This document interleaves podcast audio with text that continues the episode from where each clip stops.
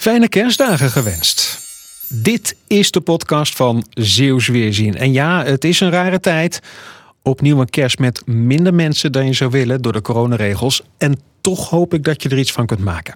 Redacteur Peter Blom van herinneringskrant Zeeuws Weerzien heeft de archieven erbij gepakt. Peter, goedemorgen. Goedemorgen Remco. Heb jij zin in de kerst? Nou, ik vind dat wel eh, heel gezellig. Zeker gewoon hier in het, eh, het knusseveren. Dat is gewoon weer echt één grote kerstkaart. Overal staan uh, boompjes voor de deur, lichtjes. Het is weer eventjes heerlijk kneuterig. We moeten het dus over het eten hebben.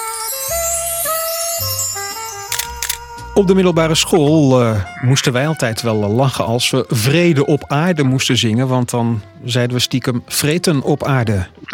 Zo'n liedje wat je dan een beetje stiekem zong. Ja, nee, maar vreten op aarde. Ja, het, het, het, was natuurlijk een beetje wat je in de jaren 60, uh, jaren 70 ook kreeg. Van de kerstdiners werden natuurlijk steeds overvloediger. En eigenlijk, ja, als ik terugdenk aan mijn jeugd, nou, het was niet zo vreselijk veel. Hooguit dat, dat we een, een, een plastic kerstkleedje over tafel kregen.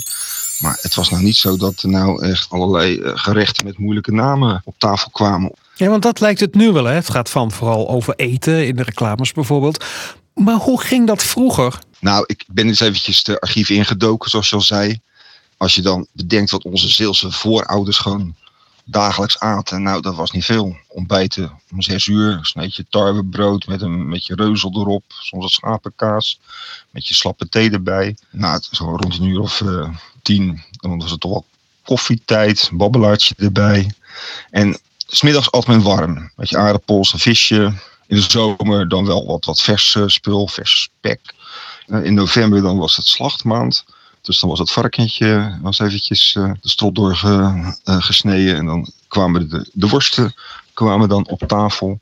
En die winter, nou ja, dan was het vaak ja, toch met je gezouten vlees wat, wat men at. Ja, want dat zout dat gebruikten ze natuurlijk om de boel langer goed te houden. Ja, ja, ja dat, dat, dat pekelvlees hè. Maar wat deed de Zeeuwse huisvrouw als een keertje uit de band wilde springen? Ik noem maar wat, met kerst bijvoorbeeld. Dat kom je ook wel tegen nog in, in, in oude kookboeken die we ook nog wel in het archief hebben. Nou, dan vind je iets over pannenkoeken of wafels of vetbollen met krenten. Pap met melk, met rijst en tarwebloem. Dat is wel weer leuk trouwens hoor, want we hebben in de archieven wel weer kookboeken van mensen die op buitenplaatsen wonen. En dan zie je wel zo begin van de vorige eeuw wel allerlei uh, chique gerechten ook op de diners uh, staan. Kortom, dan begint dat zo'n beetje. En dat is ook wel wat je dan vindt. Hè, van men kijkt graag naar, naar Engeland. In Engeland is die, dat, dat is echt zo'n land waar men natuurlijk groot overvloedige kerstdiners heeft. Hè. En daar kijkt men in Nederland dan ook wel een beetje naar.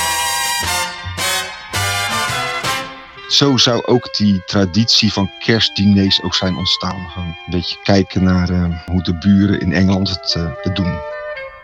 Peter Blom, dankjewel dat jij de archieven indook over het eten en de kerstmaaltijd van vroeger. Uh, ik wens jou goede kerstdagen en heel graag tot de volgende keer, Peter. Ja, dankjewel en eet smakelijk. Peter Blom is dat. Eh, mocht je nog meer van hem willen weten en van hem willen lezen, kijk dan vooral eventjes op zeeuwsweerzien.nl.